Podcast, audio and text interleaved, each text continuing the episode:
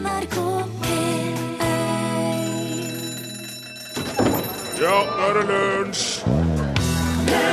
På denne dag for 227 år siden ble George Washington enstemmig valgt til USAs første president, og tre år etter det ble han enstemmig gjenvalgt som USAs president. Fortsatt den første, men for andre gang, da, altså. Ikke verst. Bam. The Dandy Warhols hørte du, og låten het Bohemian Like You i lunsj i NRK P1. Den så jeg du òg likte godt, Torfinn Borchhus. Jeg digger den, ja, Rune Nilsson. Det er det. Da, vi, da har vi hatt en fin start så langt, begge to. Absolutt. Kan du si meg på en helt sånn generell basis hvor populært du syns det er med rosiner? Um, kan, på en eh, skala fra én til ti, der har jeg vel rosinene på en femmer, jeg tror jeg. kan. Fire eller femmer. Ja, du gjør det? Ja. Jeg er ikke så opptatt av Jeg liker mye bedre Jeg liker det mye bedre i sin ungdommelige form. Drue. Ja. Jeg har tenkt mye på rosiner. Faktisk, i store deler av livet har jeg tenkt på rosiner. Jaha. Men så er det jo ofte sånn at man eh, over tid bare venner seg til at ting er sånn de er, og finner seg i det. Ja. Eh, og sånn har jeg i veldig i stor grad hatt det med rosiner. Men så blir jeg minnet på det med jevne mellomrom. Jaha. Hvordan jeg har det med rosiner. For eksempel, forleden satt jeg på et fly, du var for øvrig med. Du satt ved siden av meg. Så var det en av våre kollegaer, en av våre venner, som satt rett bak oss ehm, og spurte om, uh, om jeg ville ha noen nøtter fra Ja. en liten pose han hadde. Og dette her var fly nummer to den dagen, jeg vet ikke om du husker det, men det, da hadde jeg ikke spist på en god stund. Nei. Og man blir litt sånn Eller blir litt sånn bakpå og slack. Da er noen nøtter i neven det er veldig bra. For det er sånn godt påfyll og liksom proteiner. Så jeg ble veldig glad for det. Ja takk, sier jeg. jeg. Jeg vil gjerne ha nøtter. Jeg liker all slags nøtter. Jeg liker peanøtter og valnøtter og mandler og pistasjenøtter og hasselnøtter og Ja. macadamianøtter, ikke minst. De syns jeg er gode. Ja. Nøttenes dronning kalles makademienøtten. Paranøtter. Paranøtter er ikke så verst, det heller. Det er mer som en båt, ikke sant? Japp. Ja. Stemmer. Eller et fedd. Et fe, en fedd. Et, eh, nøttefedd. ja. I alle fall, tar imot den lille posen fra uh, flyseteraden bak. Takk, sier jeg, heller ut i neven, og der er det igjen. Der er, der er to mandler, en pistasjenøtt og en peanøtt og fem rosiner. Ja.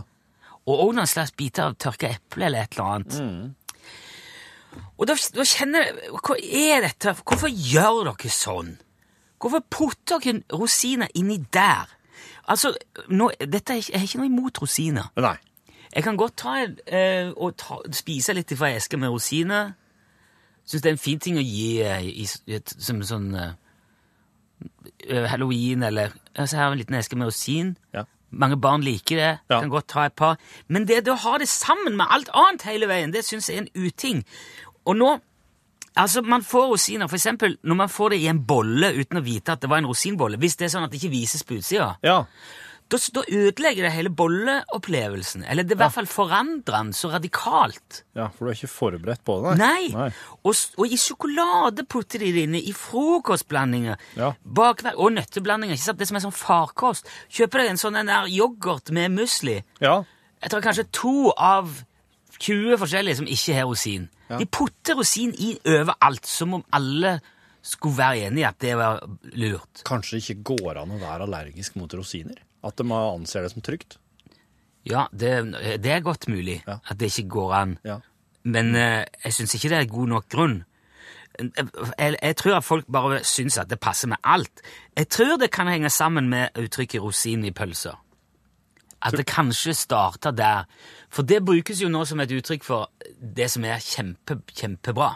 Ja. Mm. Nå, folkens! Rosin i pølser! Ja. Og det har på en måte kanskje festa seg så mye i folk at de tror at når folk, vi bare hører rosin, så «Åh, oh, Bra! tenker man med en gang. ja.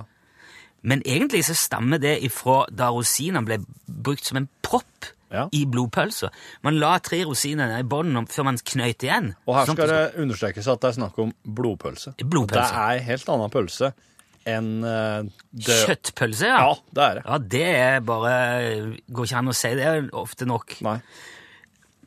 Man putter gjerne tre eh, rosiner i enden, som sagt, og den oppskriften har de dokumentert i Det kongelige biblioteket i København helt tilbake til 1620.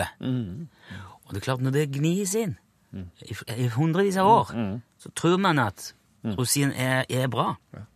Som sagt, ikke rosinen jeg misliker. Jeg kan godt spise noen rosiner, men de har en veldig særegen og søt smak, og det er tørka druer, som sagt. Når de kommer inn i nøttene, så stjeler de for mye oppmerksomhet.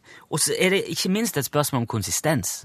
For sammen med sprø og friske, knasende nøtter, så får du sånne feste seg i tennene. Ja. Ja, jeg syns det er en uting. De kan godt slå og følge med salte peanøtter i sånn turmiks og slike ting. For da er det Nei! en bra Jo, der syns jeg det er bra, for da er det en del av den eh, energipåfyllet du må ha når du går i Ja, men da, da, er det mer som, da er det mer som et redskap. Ja, det er redskap, ja. Ja. Det er ikke Absolutt. som kos. Det er ikke kos, nei. Nei. Det er nyttekost. Det, ja, det er ren, ren øh, praktisk det er hardt arbeid. Ja. For det er jo ikke noe godt sånn. Det er mer godt å tenke på at nå gjør det nytten du får eller den energien du skal ha. Ja, så er det jo liksom, litt sånn søtt og salt. Liksom. Ja, det er det, vet du. Nei, jeg vil gjerne bare si det til dere som driver, spesielt dere som driver med nøtter. Bare slutt med det rosintullet. Jeg syns det er veldig forstyrrende.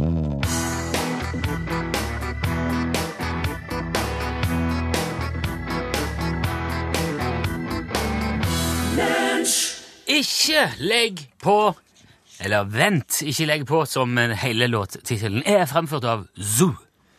Har du en X, Rune? Ja, jeg har vel flere. Du har flere X-er, ja. Ja, ja, ja men det er jo ikke sånn eh, det, det er lenge siden det, altså. Det, Ja, hvor lenge er det siden? nei, nå har jeg vært gift i i over, i over ti år, og Ja, altså, det er i hvert fall sånn 15-16 år siden det var noe annet. eh, ja sant. Fem, la oss si 15 år, da. Ja. Men du, ja. eh, kaller du da fortsatt eh, vedkommende for eksen?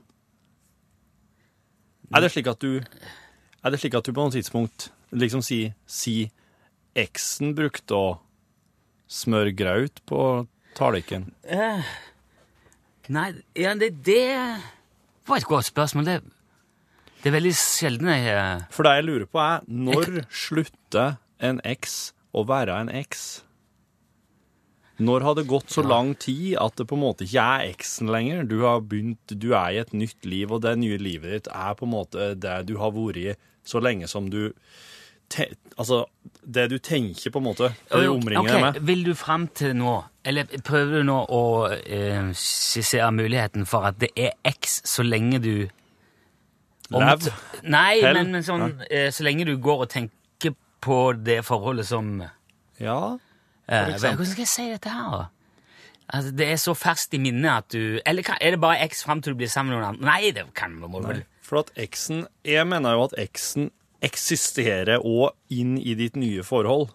For at eh, det, det sammenlignes jo litt. Gjør det ikke det? Nå, og når du har vært i lag med noen nye, så, så er jo eksen der på en måte Jeg sammenligner veldig lite av det. Ja, for nå har jo du vært gift i ti år. Ja. Det er det jeg lurer på, om det, om det på et tidspunkt der du slutter å sammenligne, og da slutter vedkommende å være en eks. Nei, dette her, det, det vet jeg ikke. Jeg, eh, jeg, jeg tror eh, det er veldig sjelden at jeg tror jeg har brukt begrepet X i det hele tatt. Ja. Det er mer sånn eh, Ja, vi var i lag før. ja. Eh, Men det var før. Ja, kanskje eksen er et relativt nytt begrep. Ka, det, nei, ja, det vet jeg ikke heller. Hva står X for? Altså X jeg tror det er ekskjæreste. Jo, men er X en forkortelse for et eller annet, eller er det bare X uh... Hvor ligger Oi, det er spennende! Hvor ligger begrepet X? Hvor ligger begrepet X, ja? Ja. Det kan hende til og med noe latingreier der. Nå, nå skar det ut her. Nå, jeg beklager musklikkingen, så nå Ja, det er mest rosiner inni der. Nei, du, dette her tør ikke, dette tør jeg ikke svare på, eh, rett og slett, for uh, Men jeg tror det er mye hvor du gjør det til sjøl, hvor du legger det begrepet. da. Ja. X-dame er det på eller X-typen min. Nå ble jeg bare X, sittende og tenke på hva X betyr, egentlig. Ja, ja, men sjekk det, og så spiller vi litt Kygo imens. OK.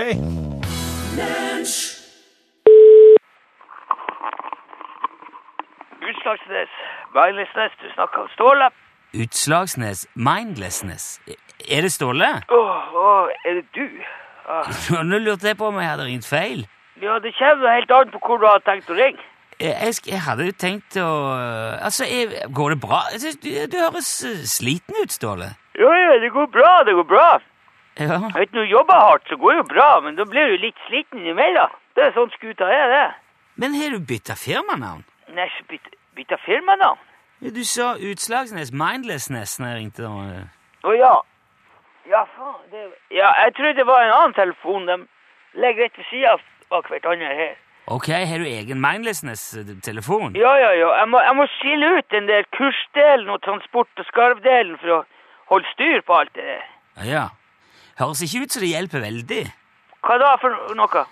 Det høres ikke ut som du klarer å holde helt styr på alt når du- svarer Mindlessness i UTS-telefonen. Jeg har full kontroll på konsernet her. Du skal ikke bry deg med det, du.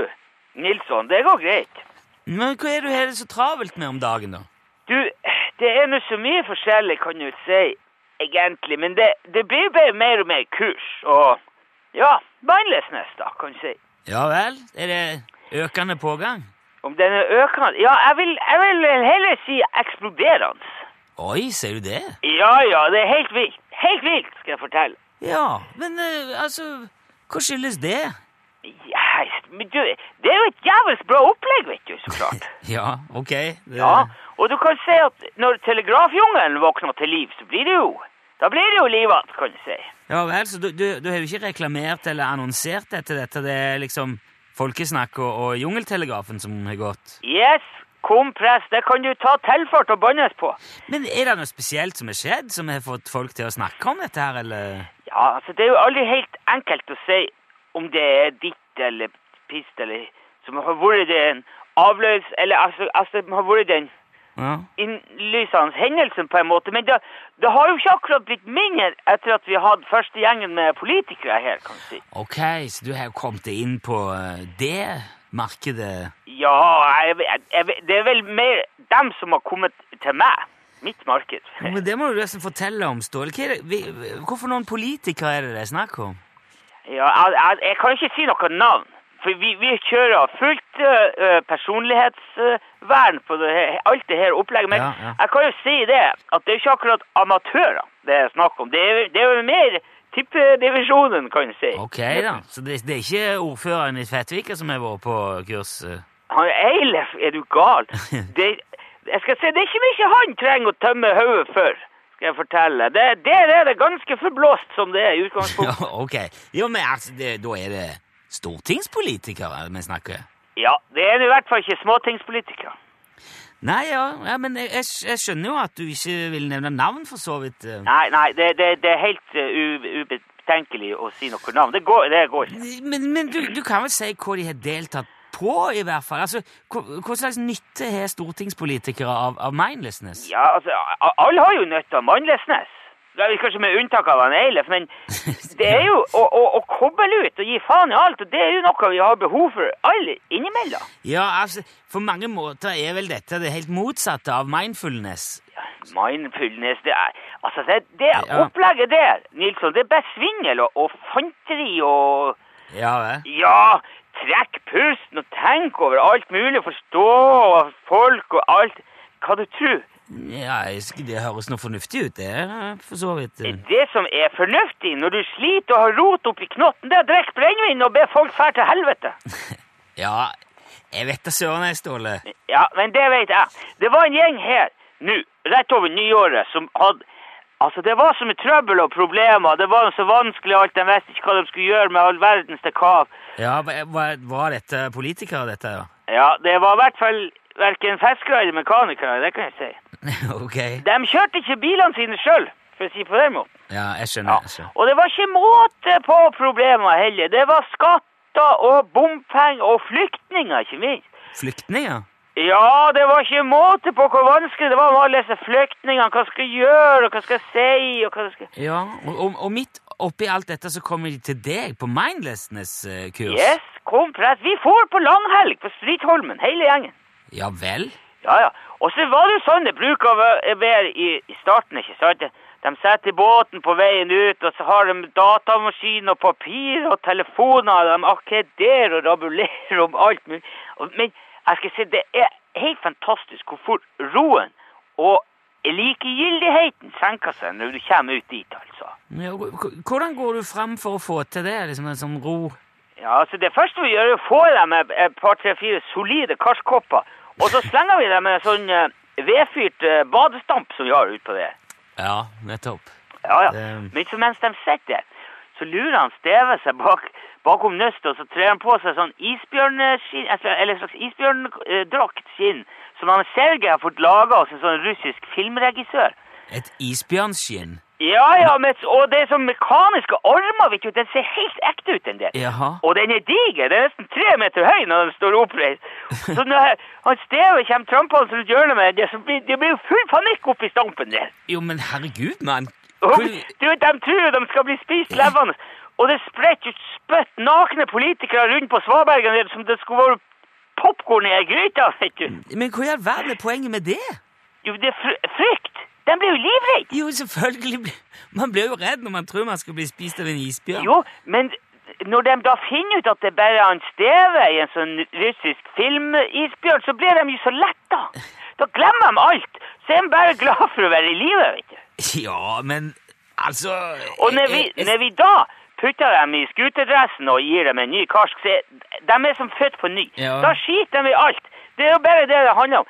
Og gi faen. La det skure og gå. Bare, bare la- ha det greit. Men er det bra, da, det? Å, å, å få politikere til å bare la det skure og gå? Du, det er kjempebra. Vi har økt omsetninga med flere hundre prosent bare nå i januar. Ja, det er kanskje bra for deg, men hva med bompengene og avgiftene og, og flyktningene? Hvis politikerne bare lar det skure og gå? Ja, men, men, men nå gjør du jo akkurat det samme som de gjør. Du, altså, du stresser deg opp og tenker på alt. Du må, du må koble av. Jeg, jeg, jeg foretrekker faktisk at politikerne våre tenker på jobben de er valgt til å gjøre, må jeg si. Jeg syns uh... Ja, Du får nå foretrekke hva du vil, Nilsson. Det, det er jo ikke mindlessness. Nei, det er, er noe greit jeg må, jeg må fære, rett og slett, for det kommer jo en hel valgkomité her nå hvert øyeblikk. Han Steve står på døra her. Jaha. Ja, men hvis det er noe mer som folk vil vite om det her, så er det bare å melde seg på ei langhelg. Vi kjører torsdag-søndag nå for bare ni- 89 000 per pers hele februar. Jesus, Ståle, men det er jo, det er, det er jo ran. Nei, det er mindlessness! Ja. Gi faen, Nilsson! Få et bedre liv. Du, vi prates! Jeg må se! Jeg Ja, må men ja, men ja vel. Ja, hei, hei. Hei.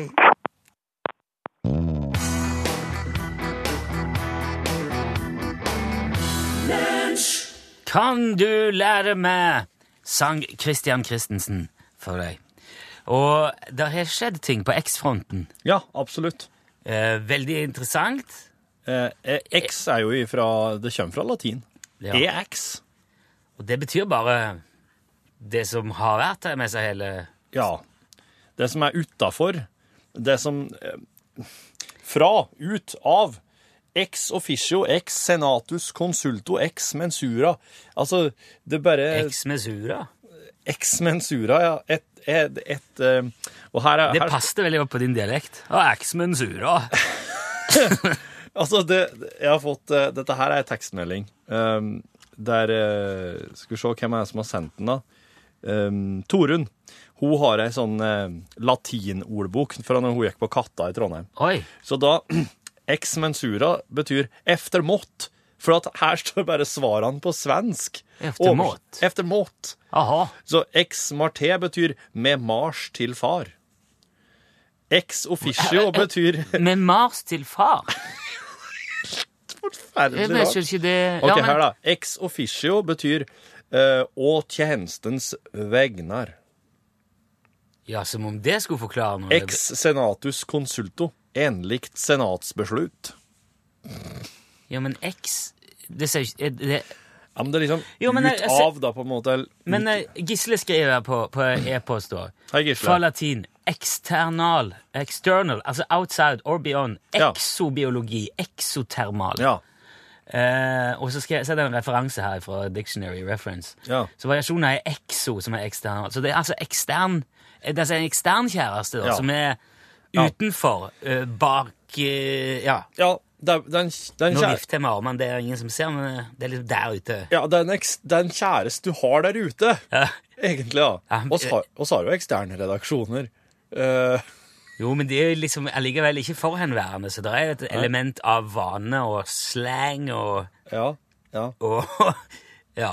På en måte sånn språklig tillagthet her. Eksternkjæresten min, det skal jeg i hvert fall ikke begynne, å- begynne Nei, å bruke, for da det- kommer jo kjerringer til å eh, Ja. Har du eksternkjæreste? Ja. Nei, nei, Nei. jeg mente det ikke slik! Jo, men da, da var vi i hvert fall mye nærmere. Men hjalp det deg noe i, i tanken om når man bruker X og ikke? Jo, altså det, det er noen som skriver her at eh, når uh, Når eksen Nei! Hvor ble det av den hen, da? Altså, disse her nøttemeldingene kom så i veien her. Det er så mye nøtter og rosiner. Jo, men det er ikke rart, for nøtter og rosiner er veldig fengende tematikk. Nei, vent, vent, vent. Og det er mange som er enige med at rosiner er en Ja. eh, uting. Ok, ok. Ja, det er faktisk mer eh, eh, Hvis eksen ikke er eks lenger, da er det på tide å skille seg, noen som skriver. Ja, det, Den skjønte jeg ikke, da. Ja, det gikk jo over i utroskap, da. Ja, Guidemaker skriver en gang X, alltid X, men refereres etter hvert til som XX-en. XX-X-en etter hvert som de kommer lenger bak i rekka. Ja. ok, så det Ja. Å, kjære. Så det begynner å bli mange X-er. Ja. Men det er jo det er, det er man jo vant til fra romertallene. altså Man legger bare til en X når man bikker på en måte sånn milepæl. Men altså, jeg, jeg er ikke fornøyd med dette her, for det, det, det kommer et tidspunkt der du ikke kan referere til eksen din som eksen lenger, Vet du, vet du hva, Torfinn? Du skal ikke referere til X-en din, du skal snakke om kona di. Du skal bare snakke om Siri. OK. Det er det du skal gjøre. slik skal det være.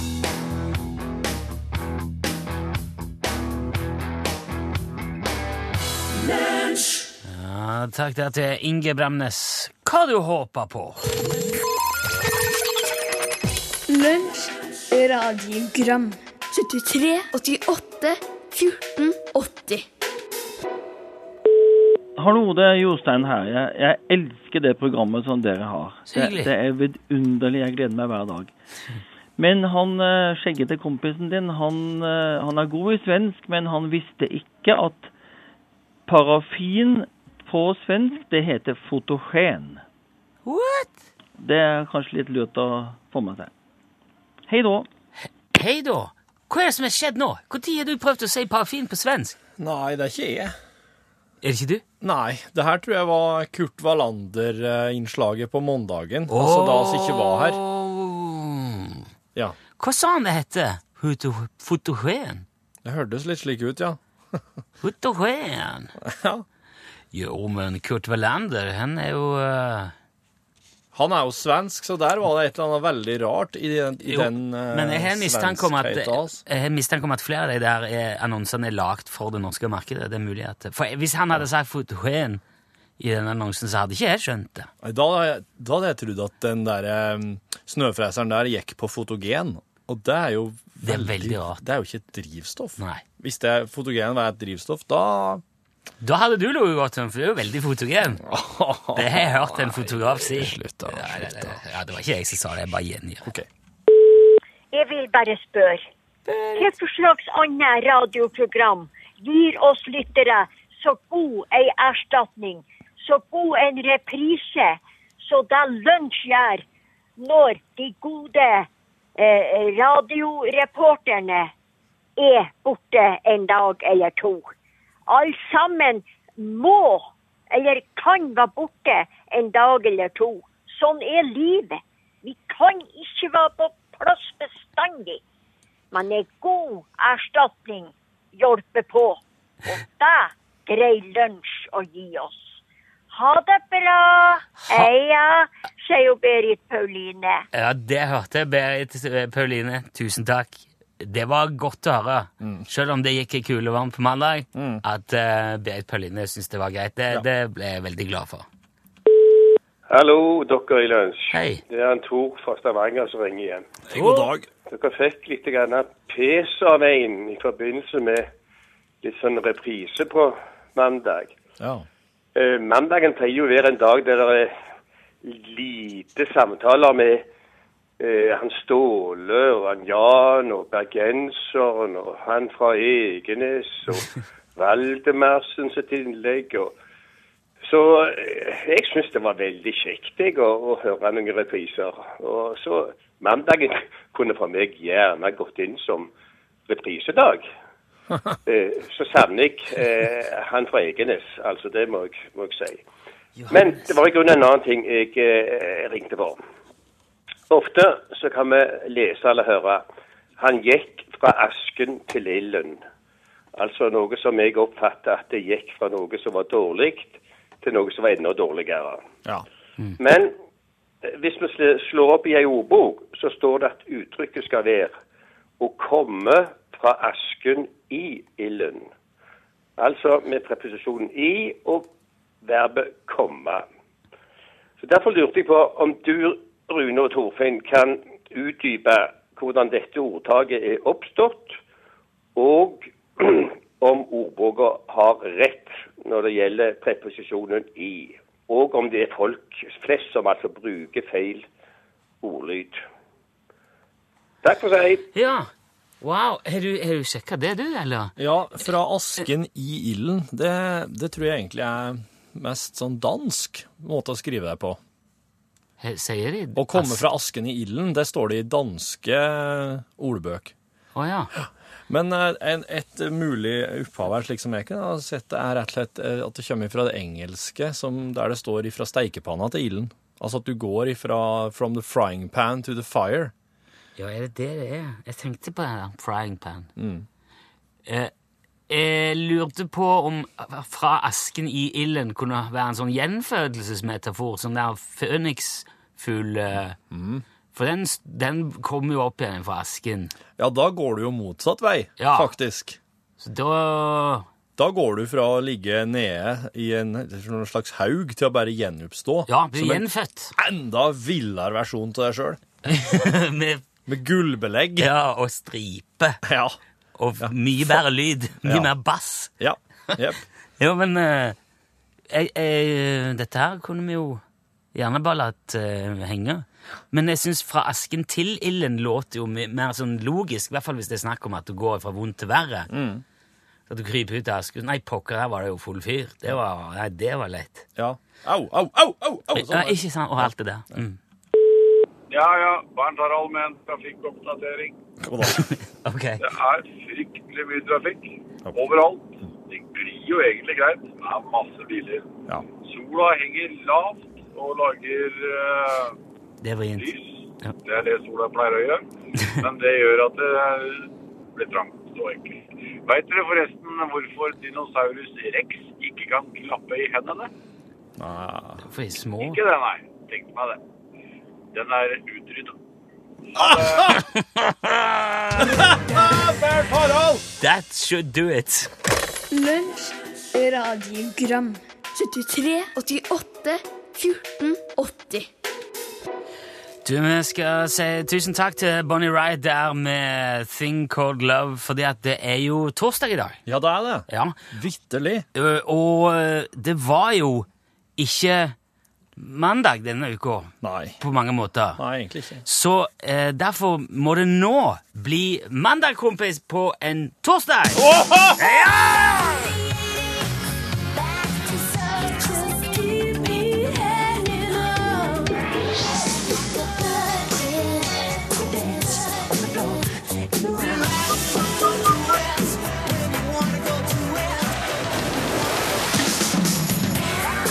Dette signaliserer jo eh, 80-tallet. Syns jeg sjøl på en radiofaglig veldig sterk måte, med, med mange eksempler. Det er altså musikken fra 80-tallet handler om. På eh, mandag, kompis, i dag på en torsdag. Historien om dagens klassiker fra 80-tallet starta allerede i 1978, da Jeremy Ryder, bedre kjent i dag som Jack Hughes, for han tok seg et eh, pseudonym, pseudonym underveis, kaller han. Eh, Jack Hughes, Nick Feldman og Paul Hammond gikk sammen og danna et band som het The Intellectuals. De holdt ikke sammen mer enn et år, men Hughes og Fellman på gitar og bass hadde likevel veldig god tone. Fortsatte med nye ting, fikk med seg Darren Costin på tromme og blant andre Glenn Gregory på vokal. Så lagde de et band som het 57 Men. 18 måneder var varte det, så ble ikke det heller noe. Han Glenn Gregory da, han gikk for øvrig videre til å bli vokalist i Heaven 17. Ikke heller helt ukjent fra 80-tallet. Dessverre ikke hørt om. Nei. Men etter det der eh, så laga de Kjernen der, altså gitaristen Hughes, bassist Feldman og trommis Costin, de laga et band som de kalte for Huang Chong. Ah! Huang Chong. Nå begynner det å dra i klokene her. Ja, men det løsna ikke så veldig da heller. De ga ut et par singler, et selvtitulert album. Nådde ikke noen liste eller noe sånt. Men øh, de, øh, de bytta først plateselskap i 1982, og så endra de litt på navnet, fordi at folk drev og kalte de Hung Chung. OK. Hung Chung, det er Hung ikke bra. Chung var ikke så Å, gøy. nei, nei. Så de satte en W uh, istedenfor H-en der, så det ble Wang Chung. Ja. Og nå ringer det kanskje i bjellene dine. ja, absolutt. Ja, um, I 1984 kom det et lite gjennombrudd med den låten vi skal høre. Det er ikke den største hiten, men det er den beste låten, etter min mening. Everybody Have Fun Tonight det var nok den største. Den gikk til andreplass på amerikanske listene. Den virkelige skatten til Wang Chung nådde bare til nummer 16 i USA, men den er likevel best. Er Ja. fra 1984 og heter Dancehall Days. Ja, ja, ja, ja.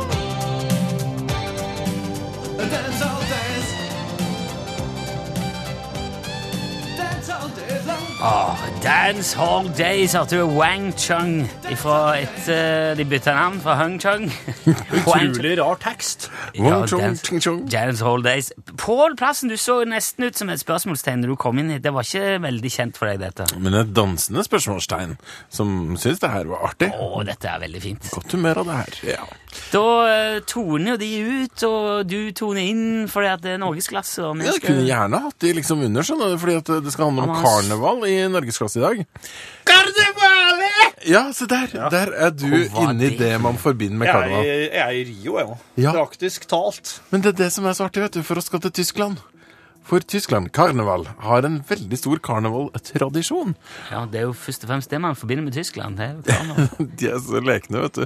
Eh, Så oss skal da til Køln. Der er vår eh, kollega Guri Nordstrøm, eh, som har vært i den byen tidligere i år, på nyttårsaften. Da skjedde det veldig mye som ikke var så trivelig der. ja, det var det der fæle overgrepene, Ja, ja. Og som ble veldig bredt rapportert.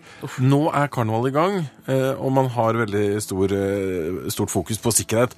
Men det er så utrolig mye artige ting som er å si om det her i karnevalet. I dag så kan f.eks. kvinner gå rundt og klippe slips av menn. Og det er Ah. et gammelt triks, ja. Ja, og i det hele tatt så skal man da kåre ymse figurer og brenne ymse dokker og kle seg ut på alle mulige vis. Guri er med og forteller om det i Norges Helsedag. Ja, der sa han et sant ord. Ja, for at eh, Det har jeg gjort med stort her mange ganger før. Bare begynne podkasten sånn her? In Ja. medias race, er det dette? Ja, der søla Nei. Nei. Nå trenger vi ikke gå innom eh, Nå trenger vi ikke gå innom og kjøpe oss noe, for vi har allerede kjøpt oss. Det var veldig lurt. Ja, ja. Sven Biskår Sunde. Torstein Borknes. Åh. Her er bra, bra iPad-spill, altså. Er det et spill? Ja. Eller, altså det, er, det er først og fremst en T-skjorte for Jim Guthrie sin, sin uh, vinylutgivelse til det her spillet. Tuller med? For her er et, uh, et iPad-spill som heter Super Brothers, kolon, Swords and Sworcery. Som nytt? Jim Guthrie laga musikk til. Nei, jeg tror det er fra 2000 og 2010 eller 2011, kanskje. Og Jim Guthrie laga all musikken til det. Og det ble vinylutgivelse. Og EP-er og remixer. Og Så, men det kreative utspringet var et dataspill? Ja. Det er spacer. Og det er et veldig Det det er et ekstremt bra eh, spill. Det har vunnet Det har vunnet liksom spillene sin sånn gullpalme, for å si det slik. Fordi at det er så annerledes. Ja. Og det, det ser jo veldig Og musikken er um, Det er veldig pikselert, det spillet her. Det er utrolig nydelig lell. Og så er musikken er så en, en så ekstremt integrert del av det. Så stemningsskiftene som går i naturen og omgivelsene, går over musikken. Kjempebra. Det koster kanskje 20-30 kroner på, på iPaden. Og så heter det Super Brothers. Super Brothers. Colon, Swords and Sworcery. Swords and Sworcery. Det er ordspill på Swords and Sorcery. men hvis du da søker på Super Brothers, Ja, ja. så dukker det opp? Ja. Mm. Dette er jo perfekt for meg som eh, Nei, Har du hørt om grusomme, det grusomme overtrampet som har skjedd i min hverdag? Altså, det er et overgrep av mine av min hverdag eh, som skjedde i går. Du, da kan det vel hende at du nok en gang har fått The Red Ring of Death på Xboxen din? da? Dette Altså, det er nesten, det er nesten verre, vil jeg si. Det som har skjedd med oss nå. Har PlayStation din fått The Blue Streak of Terror? Jeg tenkte det er noe som er enda verre. Hva er det verste som kan skje med ditt liv? Det aller verste som kan skje med deg og din familie? Tenk det aller, er verste. Det at, det at ungene dør. Det er verre. De har mista internett hjemme. OK. Det er helt forferdelig. Okay. Helt, vi har 3G, da, men uh, vi mista internett. Dere mista internett. Ja. Dere mista VVV Nei, eller Dere mista Wifi. Naboen, eh, naboen driver på og skal bygge ut, skal drenere. Da har de altså booka inn eh, gravemaskin i, eh, utenfor i veien. Ja. Skal grave Han skulle legge nye dreneringsrør inn på noe, noe greier nede i bakken. Og så bare dro han opp vårt bredbånd, vårt internett, vår TV-kabel. Kappa den. Det er så typisk. Hvorfor, hvorfor skjer det hver gang? Det er helt utrolig. Det fins jo til og med Det har jeg, det har jeg lært. Det fins visst sånne kart da Ja, ja, over, ja. over hva som er bakken. Ja. Du vet jo også at jeg driver og studert slike kart sjøl. Det der husbyggingsprosjektet, så, så gikk vi gjennom alle mulige kart. Det var alt fra internett til gatelys som kun ligger i bakken, og om det lå der, så var det tegna inn. Uh, og det er jo veldig detaljert, og det er jo faktisk veldig Det er jo nøye. Det er jo nøye gjort. Og det er jo en grunn til det. Det er fordi at en ikke skal grove over ledningene. Ja. Men det skjer jo Det skjer, det skjer omtrent hver gang jeg hører om det. Ja, så det var um, Det var, var grusom, rett og slett. Selvfølgelig det du sier om familie og sykdom og sånn, er jo kanskje verre, men Jeg sa at, vi, jeg sa at ungene døde. Ja. Og det, det er jeg nok- skjønner at det er det er nok verre. internett. Jeg har bare mista internett sjøl. Jeg veit ikke hvor vondt det er hvis ungene dør. Nei. Men eh, jeg, jeg har en slags Jeg har en slags idé. For at jeg har kjent på litt Du har følt litt på det? ja. Altså, hvis den, den ene gangen eh, datteren min ble borte på, en, eh, på et kjøpesenter, da kjente den Desperasjonen? Ja, det var litt sånn eh, Sånn eh, internett det, var litt, det kjentes litt verre ut, sånn grunnfølelse, enn eh, den at internetten slurer litt. At det, begynner å buffre. Mm. Men eh, jeg kan jo ikke utelukke det. Så klart. Hvordan fysisk For jeg har jo noen ganger vært sånn veldig redd, og det, det er jo kjemperart. For dette, du blir jo fysisk Man kan begynne å svette, eller du får høyere hjerte altså, hvordan, hvordan, når du, hvordan redd ble du når hun var vekke? Jeg ble sånn kald. Det kjentes ut som jeg ble eh, kald. At eh, det var varmt. Jeg kjente liksom at det var varmt fortsatt i rommet rundt meg. Men det var akkurat som jeg ble sånn kald inni meg. Som, som noen sier at blodet fryser til is. Mm. Altså at Det kjentes ut som jeg ble kald inni. Og jeg tror jeg begynte å svette. Men det er litt sånn vanskelig å kjenne når man blir sånn spesielt kald. Gikk tida saktere? Ja, det kan hende en gjorde, ja. Du ble snåsom, rett og slett? Og så blir det jo slik at det virker som at eh, Ja, det, for det virker som at hvert sekund teller. Mm. Og så syns jeg plutselig det virker som at eh, verden krymper. Men samtidig så har jeg liksom inntrykk av at hun datteren min som ble borte, hun forsvant på en måte utover mens verden krympa rundt meg. Mm. Jævlig klaustrofobisk og fælt. Nei, så satt hun jo bare der ved den derre jævla eh, bri, Nei, sånn Brio-togbana inne på barne, barneklær Nei, sånn butikk med barneklær. Ja. Der de har ei sånn øy Ja. med sånn togbane. Mm. Som er Jo, det er Brio, ja. Sånn litt sånn forseggjort Brio-greier. Der satt hun. Og hun satt nå der og bare så på meg og bare Der er du, ja. Så lekte hun videre. Jeg var jo helt Du var jo helt ja, jeg, var, jeg, var jo, jeg, jeg var jo faen meg like redd som den gangen jeg mista internett. Ja. Det skjønte, jeg skjønte ikke ordet. Og den, den, den måten jeg la fram den internetthistorien på, fremstår jo nå, nå i ettertid som utrolig fløste. Jeg må nesten si jeg skammer litt over hvordan jeg solgte det inn. Nei. I forhold til din historie. Men det er interessant det de sier om at um, altså, det, Man hører jo om folk som får sånn superkrefter og sånn. Ja. For det, skjer, det, må, det er noe veldig veldig rart som skjer når du blir så redd. Mm. Uh, du har hørt om sånne folk som har uh, for eksempel at de har løftet, kan plutselig har klart å løfte en bil Ja. når noen blir påkjørt sånn. For at noen ligger under, ja. Ja. ja. For det er bare sånn Plutselig så er du sterkere enn det du tror. Ja. Det Og rart, altså. etterpå, når du begynner å roe deg igjen og begynner å bli vanlig igjen, så, Mm. så er kroppen eh, Du er støl. Mm. For at du har plutselig yta mye, mye mer enn du egentlig kan. Tror du kan. Ja. Jeg hadde en, skal jeg fortelle om en annen helt jævlig opplevelse? Ja. Da hadde jeg akkurat fått min eldste, Sivert. Mm. Og eh, jeg tror det her var i de tider jeg var hjemme i pappaperm. Da En natt jeg hadde sovna, så drømte jeg. Drømmen var slik at jeg og Sivert satt i badekaret. Jeg satt med han i fanget. Han satt liksom Han satt oppreist, sånn som meg.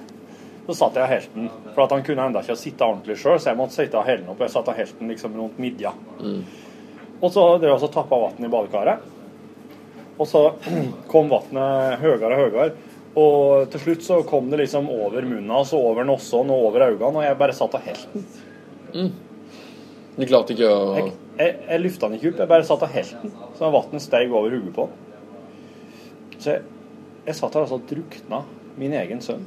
Og jeg vakna i et Jeg vakna i Jeg var så Svette. Jeg var helt, det var blaut rundt meg. Jeg, hadde, jeg, jeg vakna av å være blaut. Det er eneste gangen det har skjedd, bortsett fra den gangen jeg vakna av hadde pissa på meg. Ja. Men det hadde jeg ikke gjort. Jeg hadde sveita meg ut. Hadde du feber, eller? Jeg vet ikke, det er mulig jeg hadde en liten feber. At det var en sånn liten ekstra sånn mar mareritt-boost. Det er det jævligste jeg har drømt noen gang. Febermareritt er helt forferdelig. Og jeg hadde ikke noe Jeg skal, skal med hånda på hjertet si at jeg hadde ikke noe trang til å drepe av sønnen min på den tida heller, så det var ikke en sånn slags drøm om noe ekte.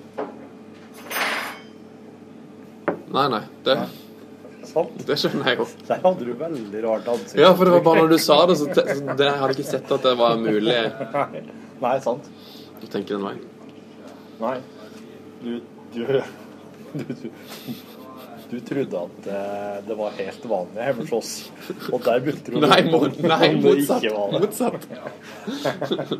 Jeg følte at du nesten sa sånn Jeg har ikke prøvd å drepe sønnen min, altså, hvis det er det du tror. Og så tenkte jeg sånn Nei, det er, jo, det er jo ikke det jeg tror, men tror han nå at jeg tror det? Nei da.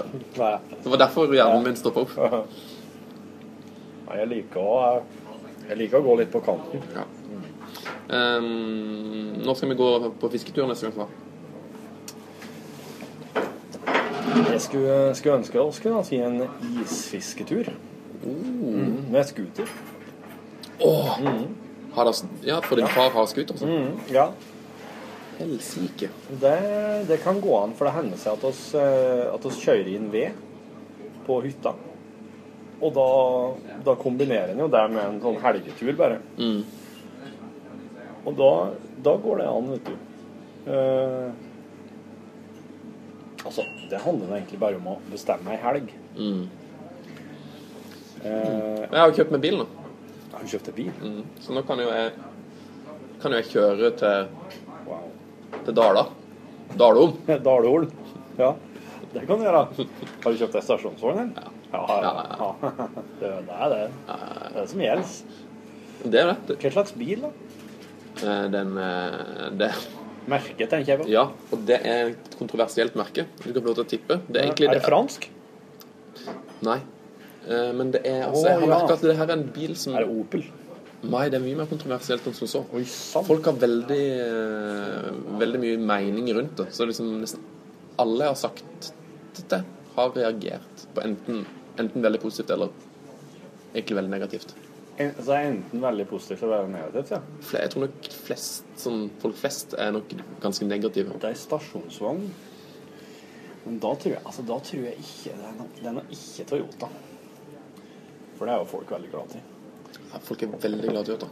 Men kan det være at du har kjøpt det f.eks. Um, eh, en Altså, jeg tenker at det kan være litt sånn type sånn bil som går i rasshøl-kategorien. At det kan Ja, være ja, ja. BMW. Yes! Ja, det er BMW, ja. Rett på den, ja. Det er BMW, vet du.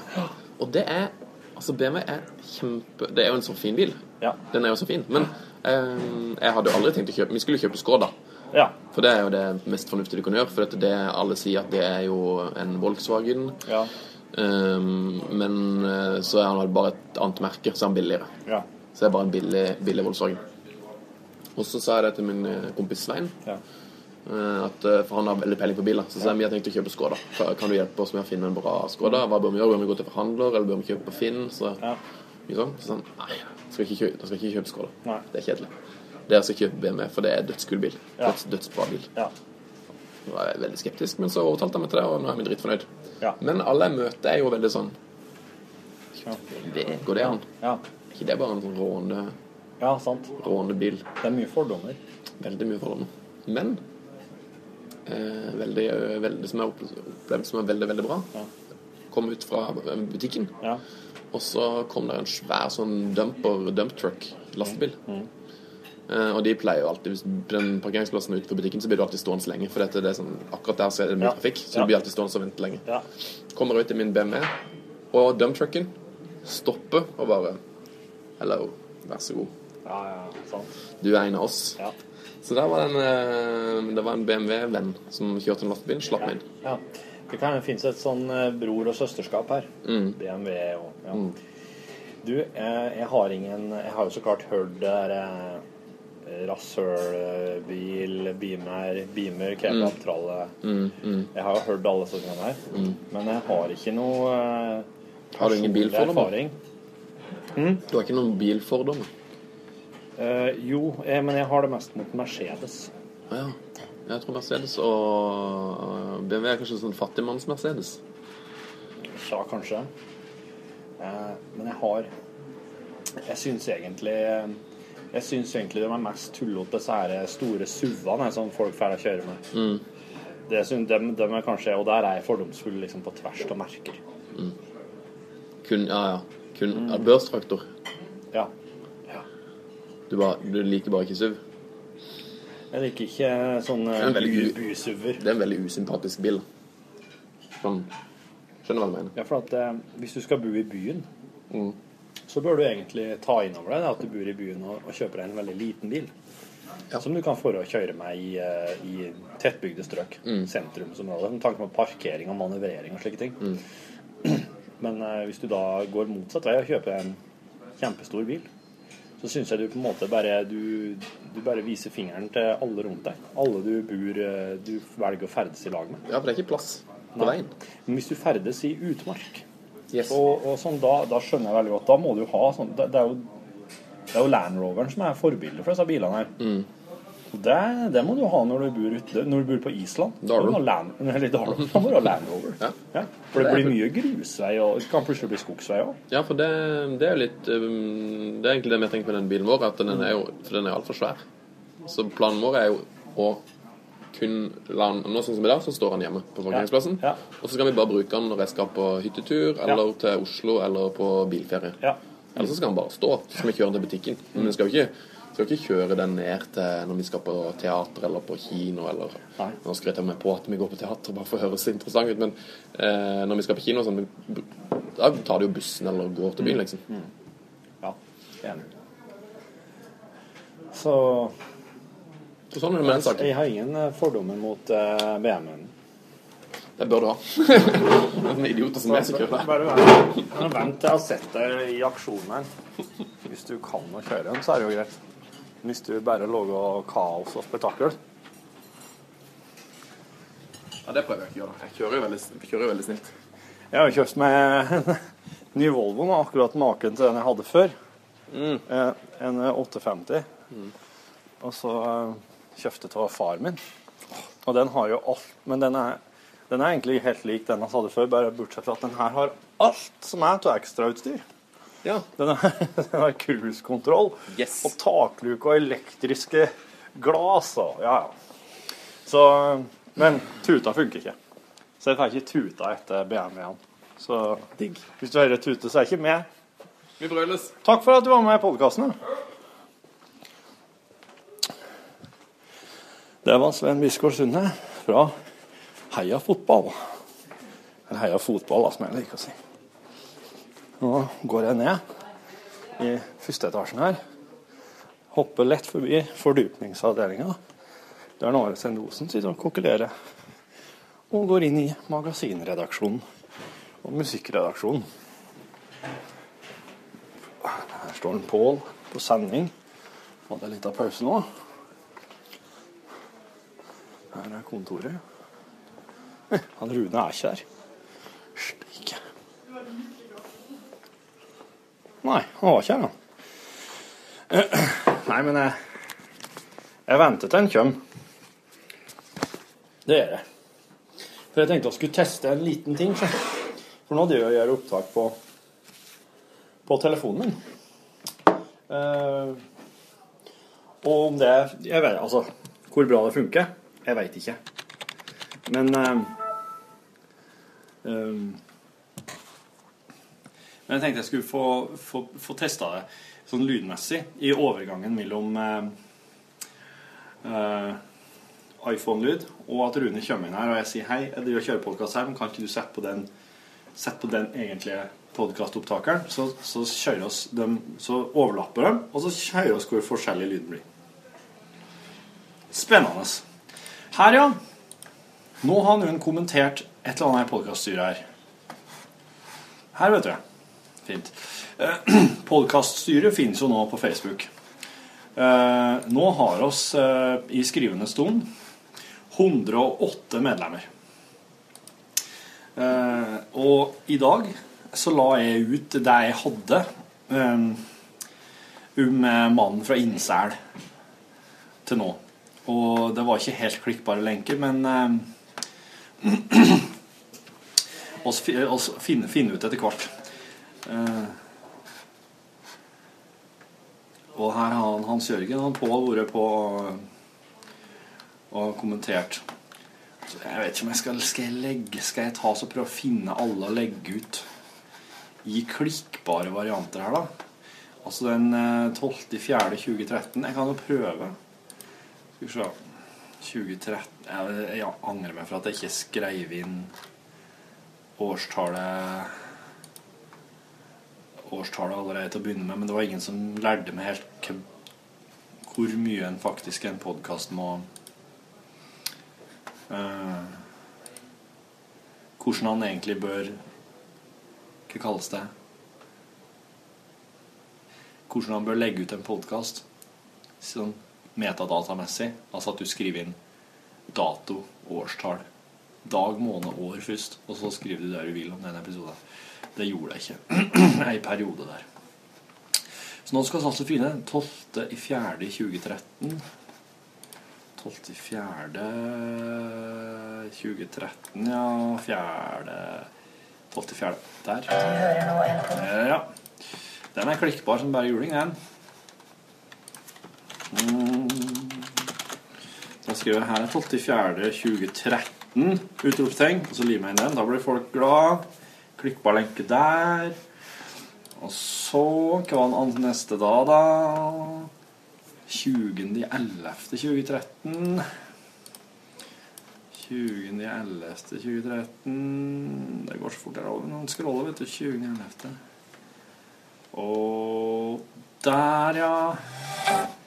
Mhm. Og Nå skriver jeg 20. i 11. slik 2013, ja. Utropstegn. Lim inn. Det her er jo Nå, nå gjør jeg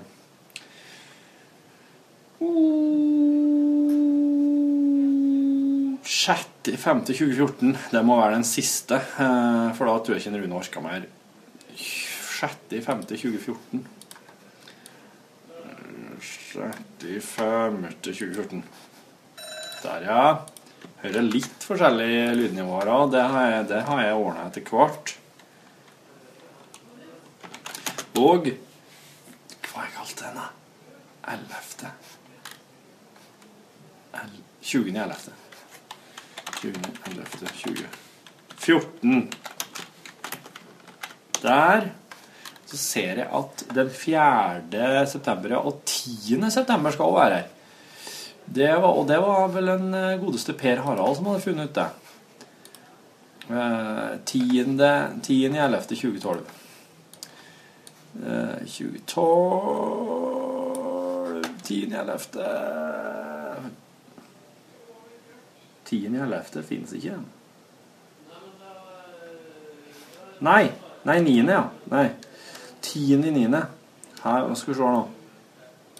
Prøv den,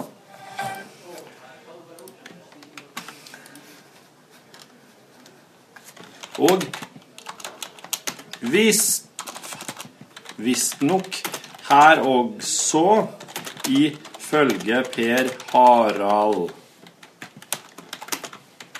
Sånn. Der, ja. Nå har jeg lagt ut alle som klikkbare lenker. Dette her er den, den 4. 4. februar i 2016 var den for øvrig den dagen da eh, Facebook la ut alle vennevideoene. Hei, her er video med vennene dine. Det skjedde i dag.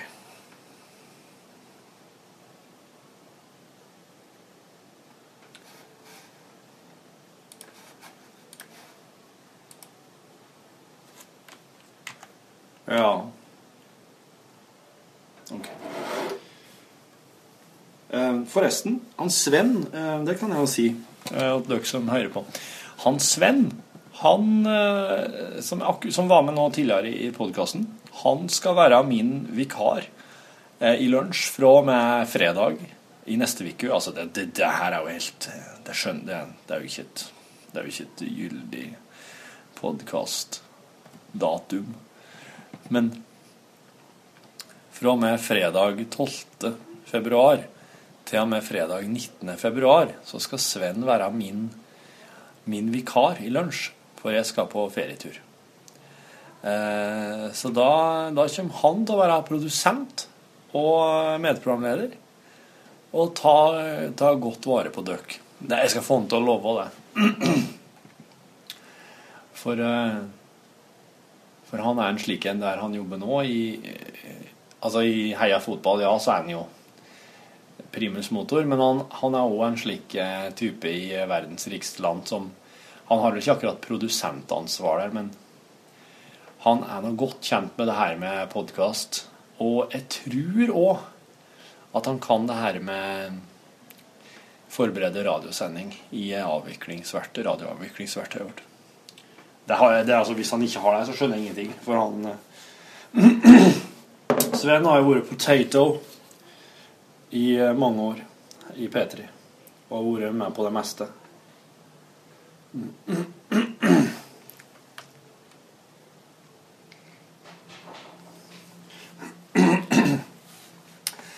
Så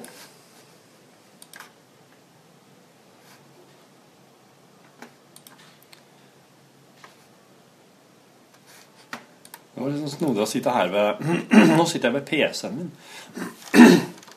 Og Og um, tar opp um, opp Nå skal vi se. Skal vi se. Johannes Sponheim skriver Hei. Har vært et tyst styremedlem siden starten, men nå må jeg bryte stillheten. Saken er at jeg finner da for faen ikke denne podkaststyrets i Facebook-gruppe.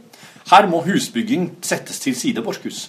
Når jeg først har brutt stillheten, kan jeg jo skrive at jeg er et stolt styremedlem.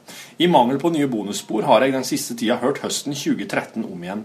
Det var en knall høst, med både curling og Anne B. Hun må dere få invitert snart. Som sauebonde er, er dere med meg hele dagen. På fredag blir det ultralyd av 200 søyer. Den mest spennende dagen i året. Med beste hilsing Johs. Oi, oi, oi. Kjører dere ultralyd av sauene nå? Dæven, det har jeg ikke Det visste jeg ikke at dere gjorde. Da veit dere jo hvor mange land dere vil få, da. Altså før de kommer. Da er er dere jo for, da er forberedt, da. Da veit dere jo at der kom det ett land. Da veit dere at det, det er to tegn i der. Kanskje tre. Det, der, der visste ikke der, der visste ikke fattern når han drev på le når jeg var med han. Da måtte vi liksom bare hele tida se han. Kult. Ja, jeg håper du har funnet podkaststyret på Facebook nå, Johs. Eh, For det, nå har såpass mange funnet det at nå tror jeg Jeg tror på et tidspunkt at noen sendte en e-post der det sto at ei gruppe på Facebook må ha ti medlemmer eller flere før den egentlig blir veldig synlig. Men eh, nå eh, Podkaststyret, P-O-D-K-A-S-T S-T-Y-R-E-T. Podkaststyret. Den skal være søkbar nå. Eh, for at nå i det siste så har det kommet ja, Jeg har som sagt lagt til over 100 stykker. Så da Da tror jeg det skal være rett. Uh, Andreas skriver Hei, Rune og Torfinn. Sitter på flyplassen og hører meg opp på gamle podkastsendinger. I podkasten 6.1 foreslår Rune å opprette en Facebook-gruppe for styremedlemmer. Har søkt på podkaststyret, men uten hell. Er det lagt på is, eller kommer jeg til å forstå dette etter hvert som jeg strid, skrider frem i listen over ulyttede podkaster? Beste hilsen er Andreas. Ja, Andreas. Du kommer til å forstå det her etter hvert som du skriver fram. Kjartan skriver Er det mulig podkaststyret siden på Facebook er en lukket gruppe som bare Facebook-venner av medlemmer i podkaststyret finner? Hilsen styremedlem og podkastlytter fra starten av. Kjartan. Hei, Kjartan. Det er nok nå ei lukka gruppe som alle som er medlemmer i gruppa, det er ei lukka gruppe der alle som er medlemmer i gruppa, har anledning til å godkjenne nye medlemmer. Det er slik jeg har forstått det. Og det håper jeg at dere som er med i styret og gjør, at dere legger til og, og, og bare godkjenn. Når, altså, det er ingen grunn til å stenge ute noen her. Det er ingen som skal stenges ute. Men det er bare for at hvis du, hvis du vil være med i den gjengen der, så, så får du det. Og da får du se alt som blir skrevet og sagt der inne. Men jeg ser ikke noen grunn til at, at en bare skal ha at en skal ha folk som bare på en måte At du, du ikke er medlem i gruppa, og at du skal se alle postene lell. For jeg syns at du skal oppsøke det. Slik som podkasten. Du eh, Ja, du må gå til det skrittet og faktisk eh, orke å trykke på eh, bli medlem eller last ned podkast for å høre det. Så Kjartan, jeg håper du finner uh, Bjarte skriver Hei. Jeg, Bjarte Røysing, har i starten av januar i år lagt ut på en eventyrlig podkastreise. Her tror jeg nesten jeg må ha litt musikk. Mm.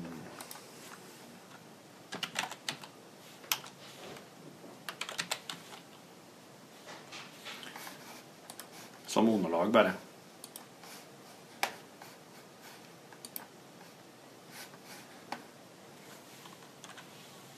Skal vi se.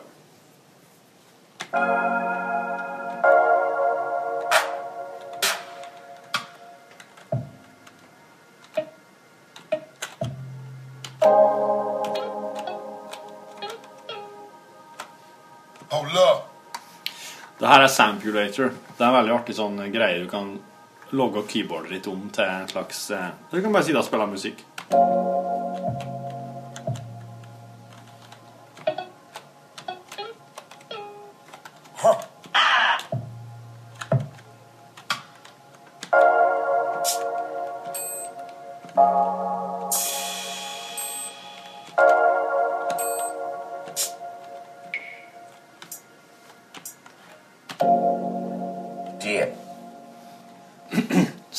Sampulator. Sampulator.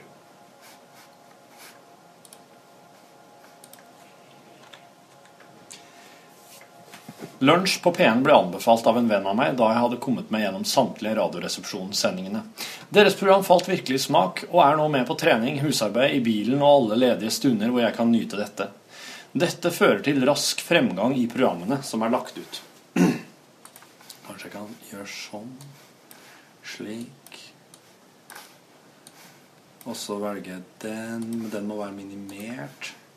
Slik. Så kan den stå der. Må gjøre slik. Det her er jo helt vilt. Det går an. Der. Sånn. Jeg startet med første program og har nå kommet ut i november 2012. 8.11.2012, Åndenes makt. Avslutter Torfinn med en lovnad med tilsendt lunsjboks til de som fullfører denne podkasten, og sender inn mail med ønske om dette. Står dette tilbudet ved lag? Nei, jeg vet ikke om du skal si je til det. Jeg ønsker meg i så fall en lunsjboks.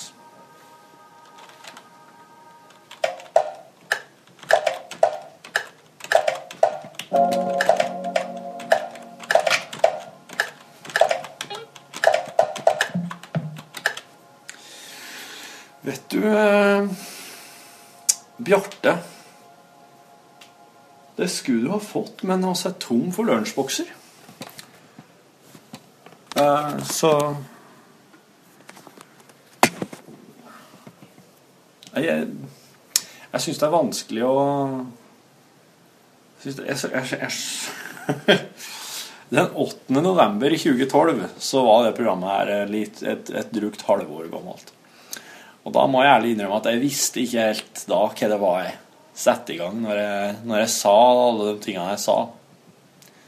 Og noen kan nok hevde at jeg angrer meg nå, men jeg, gjør ærlig talt ikke det. For det er jo bare så enkelt som at jeg ikke har lunsjboks nå. Det er ikke slik at oss blir nedrent med henvendelser om det, altså. Det vet dere jo, for at alle e-poster som blir sendt inn til podkaststyret, blir lest opp her og time. Så dere vet jo sjøl hvor mange lunsjbokser som har blitt etterspurt. Jeg skulle jo samtidig ønske jeg hadde flere da, å dele ut. Men Bjarte Jeg skal se om jeg finner noe åt det her i skåpet. Kan altså ikke si det slik. Er ikke det en uh, grei avtale? Ja, fint. Da sies det. skal vi se videre. Podkaststyret står det her i en e-post. Den er fra Petter, forresten.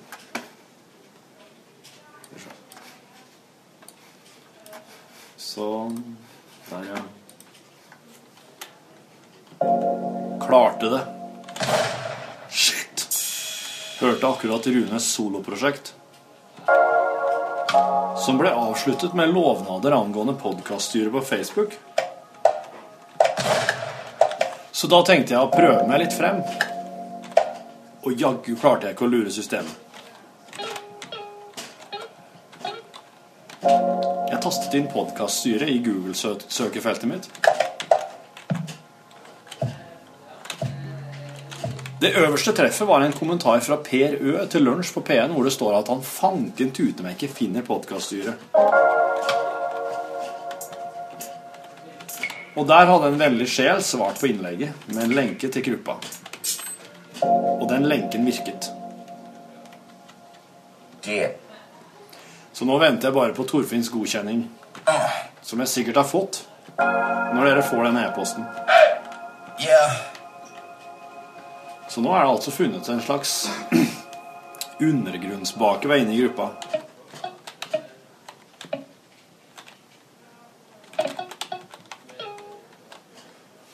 Det eneste problemet er at den ligger ute til offentlig beskuelse midt i den offisielle lunsjgruppa. Det får andre kloke hoder finne en løsning på.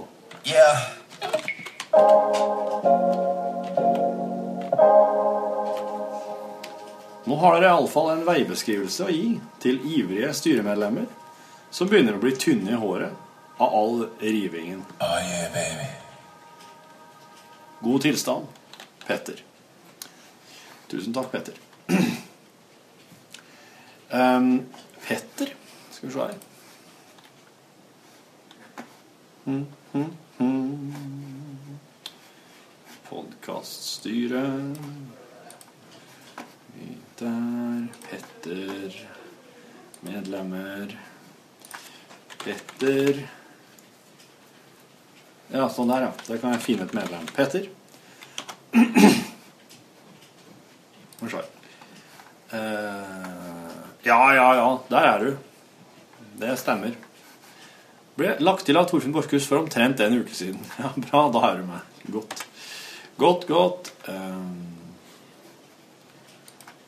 se her Petter.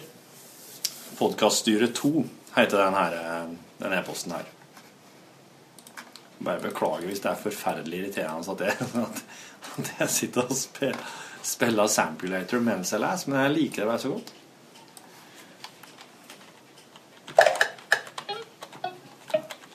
Det ligger ikke så midt i glaninga som jeg trodde. Når man er inne på den offisielle siden, må man først trykke seg inn på innlegg fra besøkende. Blant annet la- bla langt nedover for å finne innlegget med den magiske kommentaren. Og så må man trykke for å vise kommentar. Den er ikke så, det er ikke så verst, synes jeg. Da er det jo faktisk nødvendig å vite at gruppa finnes for å klare å finne den. Og så må man antagelig ha hørt dere lese opp enten denne Eventuelt hørt på podkasten hvor dere beskriver fremgangsmåten med dramatisk underlag og mye romklang. Happy days, skriver Petter. ja, det eh, Ja. Det er snodige greier, altså. Her får jeg e-posten fra Roy, der det står at jeg ser det er mange som har problemer med gruppesøk. Vet ikke om dette er en tilfeldighet eller årsak. Ja, men prøv å legge til ti medlemmer manuelt. For det er en som skriver Ali Reza Ez på Facebook. I just figured it out. Your group needs to have at least ten members before it shows up in search. You can add people to the group from your friend list or invite them using their email. Så skriver da og Roy at uh, dere kan jo eventuelt lese opp URL-en til gruppen med alle tallene. Det er jo podkast, så vi kan høre det så mange ganger vi trenger. Jeg tror ikke Jeg tror jeg, Uff, steike. Ja, ok. Hvis, hvis folk fortsatt har problemer med å finne den, så, så klart skal jeg ta og så lese opp. Det skal jeg gjøre. Jeg skjønner ikke hvor det blir av Rune hen, altså. Jeg tror ikke jeg gidder å Jeg tror ikke jeg gidder å vente på han. Jeg bruker mobilen min å ta opp med noe, og det føles litt sånn idiotisk. For at den tanken min om å om, om, om å sitte her når han kommer igjen og Og overraske ham litt. Ja.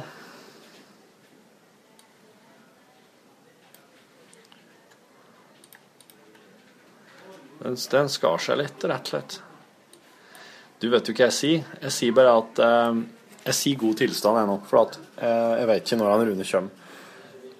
Kan ha gått og for alt jeg vet. Aner. Og så sier jeg at eh, eh, i morgen så blir det iallfall podkastbonus. For jeg har tenkt å ta med mobilen min i kveld og logge opp podkast med Ken Vasenius Nilsen, Jørgen Hegstad, eh, Tete Lidbom, Sven Bisgaard Sunde og Lars Haugdal Andersen, aka Nettsjef Lars. For oss skal møtes. Det, det bør nå bli en podkast, ja. Iallfall. Så kan hende at det blir en slags fredagsbonus. God tilstand, da. Ha det bra. Hør flere podkaster på nrk.no podkast.